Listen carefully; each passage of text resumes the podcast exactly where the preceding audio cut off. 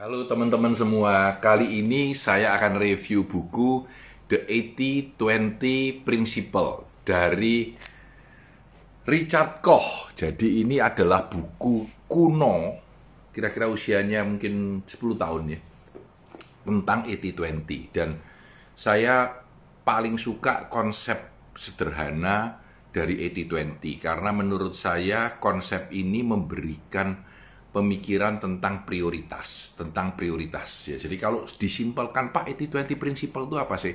Saya cuma bilang satu kata, prioritas. Jadi kalau Anda lihat di lemari Anda, di lemari Anda, itu baju Anda ada 100 biji. Yang Anda pakai paling cuma 15 yang itu-itu saja dalam sehari-sehari Anda gitu ya. Kalau Anda lihat di email Anda, mungkin dalam daftar orang yang Anda kirimin email ada 1000 mungkin cuma 50 yang itu-itu saja yang Anda pakai. Mungkin hanya 20% dari karpet Anda yang betul-betul terpakai sampai hancur. Yang lain masih utuh karena di bawahnya lemari, di bawahnya ranjang. Ya.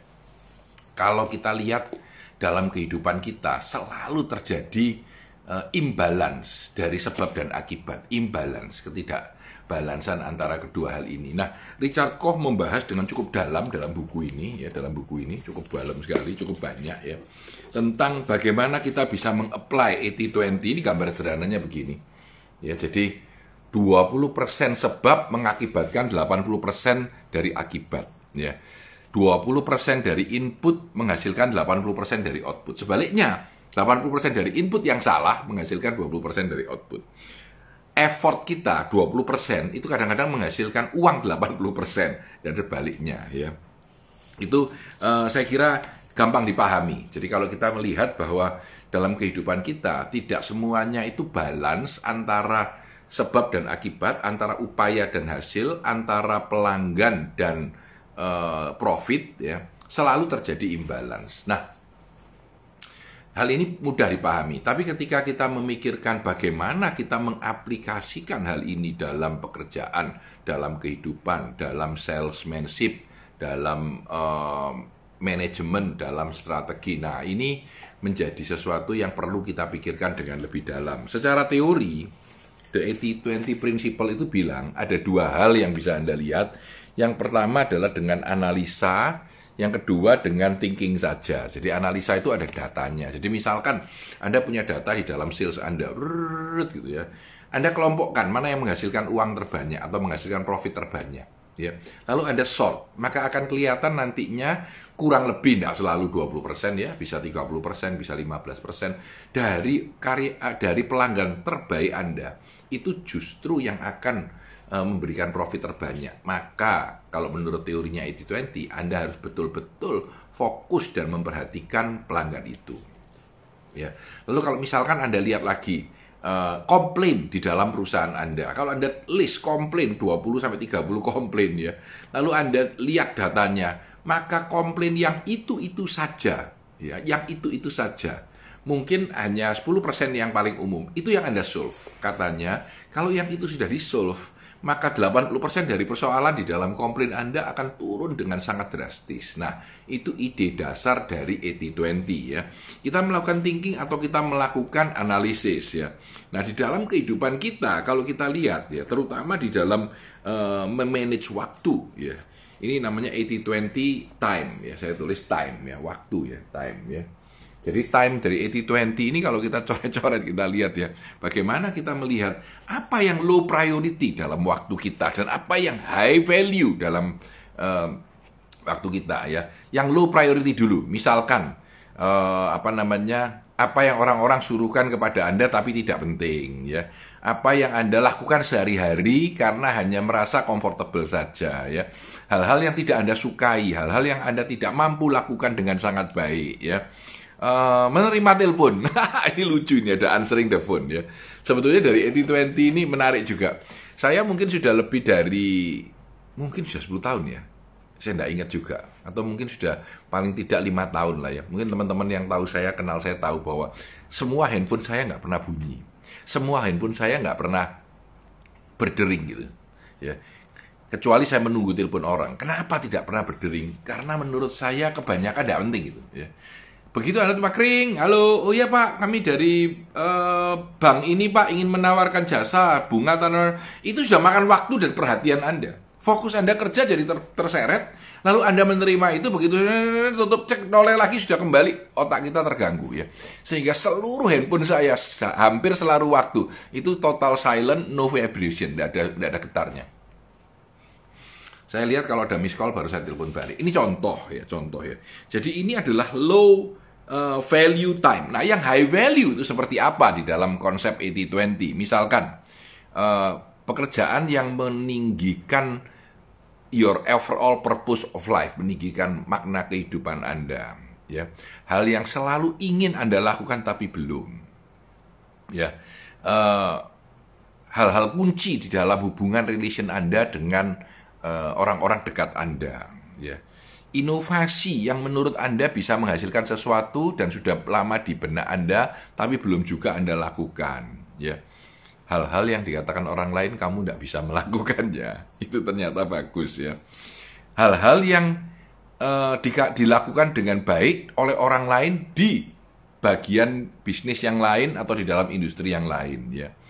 Uh, ketika Anda menggunakan kreativitas Anda dengan penuh ya Eh, ketika Anda melakukan sesuatu yang mudah tapi hasilnya besar. Ya. Kualitas yang tinggi dalam kolaborasi Anda dengan orang lain, ya. Things for which it is now or never. Kerjaan yang sekarang atau tidak selamanya. Ini beberapa yang menurut Richard Koch, menurut Richard Koch dalam 80-20 principle akan mempertajam dan mempercepat Anda bagaimana Anda menghadapi kehidupan ini.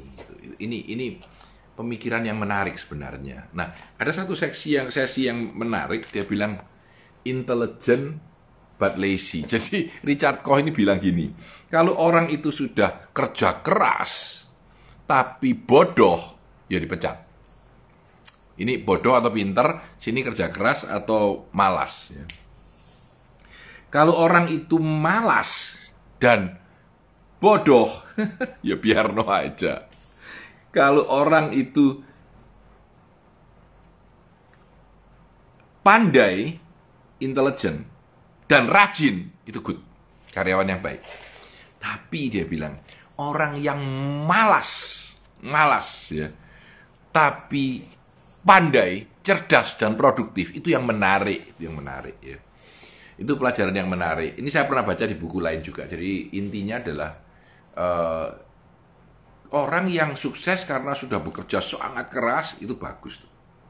Tapi lebih bagus lagi orang yang males kerjanya leye-leye tapi sukses, tapi cerdas, tapi produktif. Nah, itu yang hebat. Itu itu satu kacamata yang menurut saya agak unik tapi beda ya.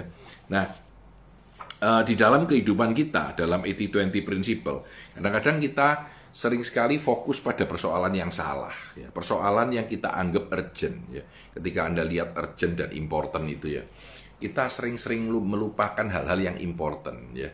Saya melakukan review buku, uh, ini 80-20 Principle yang sudah lama ini usianya 10 tahun, kebanyakan untuk mengingatkan kembali saya bahwa di masa pandemi ini kita kembali perlu fokus pada hal-hal yang punya makna signifikan dalam hidup kita dalam pekerjaan kita, dalam bagaimana kita belajar. Apa yang harus Anda pelajari? Karena begitu banyak yang harus Anda pelajari dalam menghabiskan waktu berzoom ria dengan teman-teman. Mana yang akan membawa dampak positif dalam hidup Anda setelah masa pandemi ini dan mana yang tidak. Apa yang harus seminar apa yang harus Anda ikuti? Terlalu banyak seminar gratis ya. Saya nggak suka gitu. Saya lebih suka bayar seminar yang mahal karena dengan itu dalam mungkin 10 tahun 20 tahun yang berjalan ya saya selalu mengambil seminar di Harvard, di MIT. Saya tahu mahal gitu ya. Karena dengan mahal saya tahu saya fokus dan saya tahu kualitasnya bagus dan saya tahu itu berguna untuk saya. Ya, ini bagaimana kita memilih. Sayang kalau waktu kita dibuang-buang untuk barang-barang yang second quality. Ya. Nah, eh, terakhir dia bicara tentang the seven habits of happiness. Jadi dia bilang dalam kacamata 80-20 itu ada tujuh kebiasaan ya. Uh, saya coret-coret aja ya. Saya ini ini tidak ditulis 1, 2, 3, 4, 5 nya tapi beda aja. Jadi saya, saya cerita aja deh. The freedom to be happy is at last supported by science. Saya bilang disupport by science ya.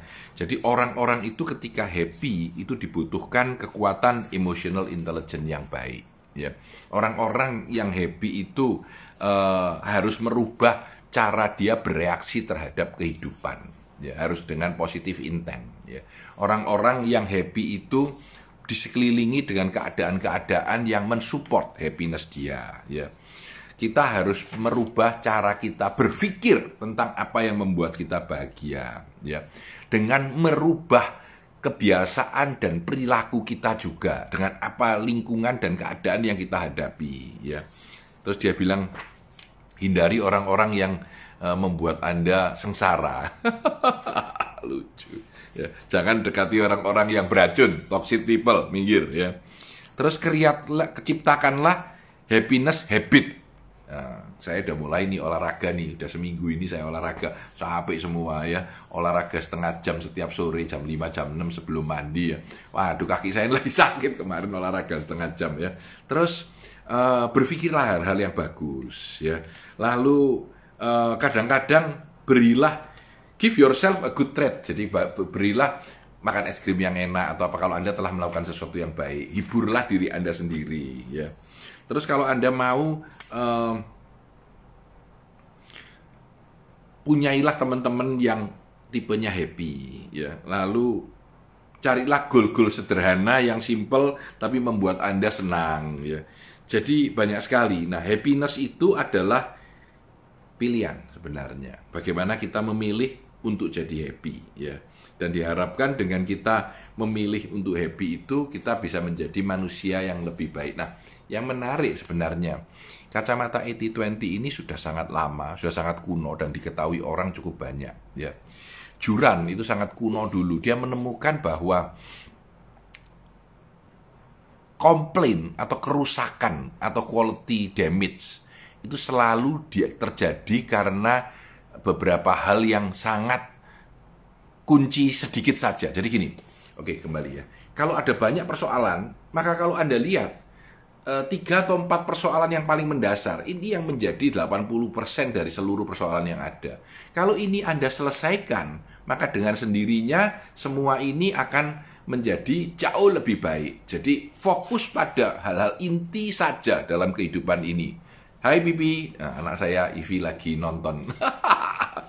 Jadi uh, IG Live ini juga buat saya melakukan review buku ini memberikan dua dampak positif. Dampak positif pertama adalah membuat saya melihat buku-buku lama yang bagus itu apa. Jadi kembali ke 80-20 principle, saya memilih hanya buku-buku yang bagus yang menurut saya eh, patut untuk dilihat ulang. Dan yang kedua, ketika saya bercerita seperti ini tanpa sadar eh, hal-hal ini itu masuk kembali ke benak saya dan mengingatkan kembali kepada saya sendiri untuk lebih fokus pada hal-hal yang kritis dalam kehidupan ini. Nah, histori dari teori 80-20 itu adalah di London ketika dianalisa dulu. Banyak sekali orang kaya yang punya lahan tanah. Nah, ketika disurvey ternyata 10% eh, dari orang terkaya di Inggris itu menguasai 90% dari lahan yang ada di seluruh uh, Inggris Raya itu. Nah, itu itu awal dari pemikiran 80-20. Uh, eh, sebetulnya asimetri dari sebab dan akibat ya. Jadi kita pun harus mulai berpikir seperti itu. Tindakan apa yang kita perlukan? Pekerjaan apa yang harus kita lakukan? Teman siapa yang harus kita dekati ya. Karena seperti tadi, contoh yang paling gampang adalah kalau saya perlu meeting dengan 10 karyawan saya, maka mungkin saya hanya fokus pada tiga orang yang paling kunci saja. Ya, untuk kita diskusikan. Yang lain waktunya sebentar-sebentar. Jangan semuanya dapat satu jam. Tapi mungkin tiga yang paling kunci itu dapat waktu Anda jauh lebih, 50% dari waktu Anda atau 60%, yang tujuh hanya sedikit-sedikit sedikit saja. Itu kira-kira basic pemikirannya. Selalulah berpikir 80-20 karena the 80-20 principle ini sudah langgeng lama sekali dan terbukti bahwa kita akan menjadi orang yang jauh lebih sukses, jauh lebih baik, jauh lebih happy, jauh lebih produktif kalau kita hanya fokus pada prioritas kita saja.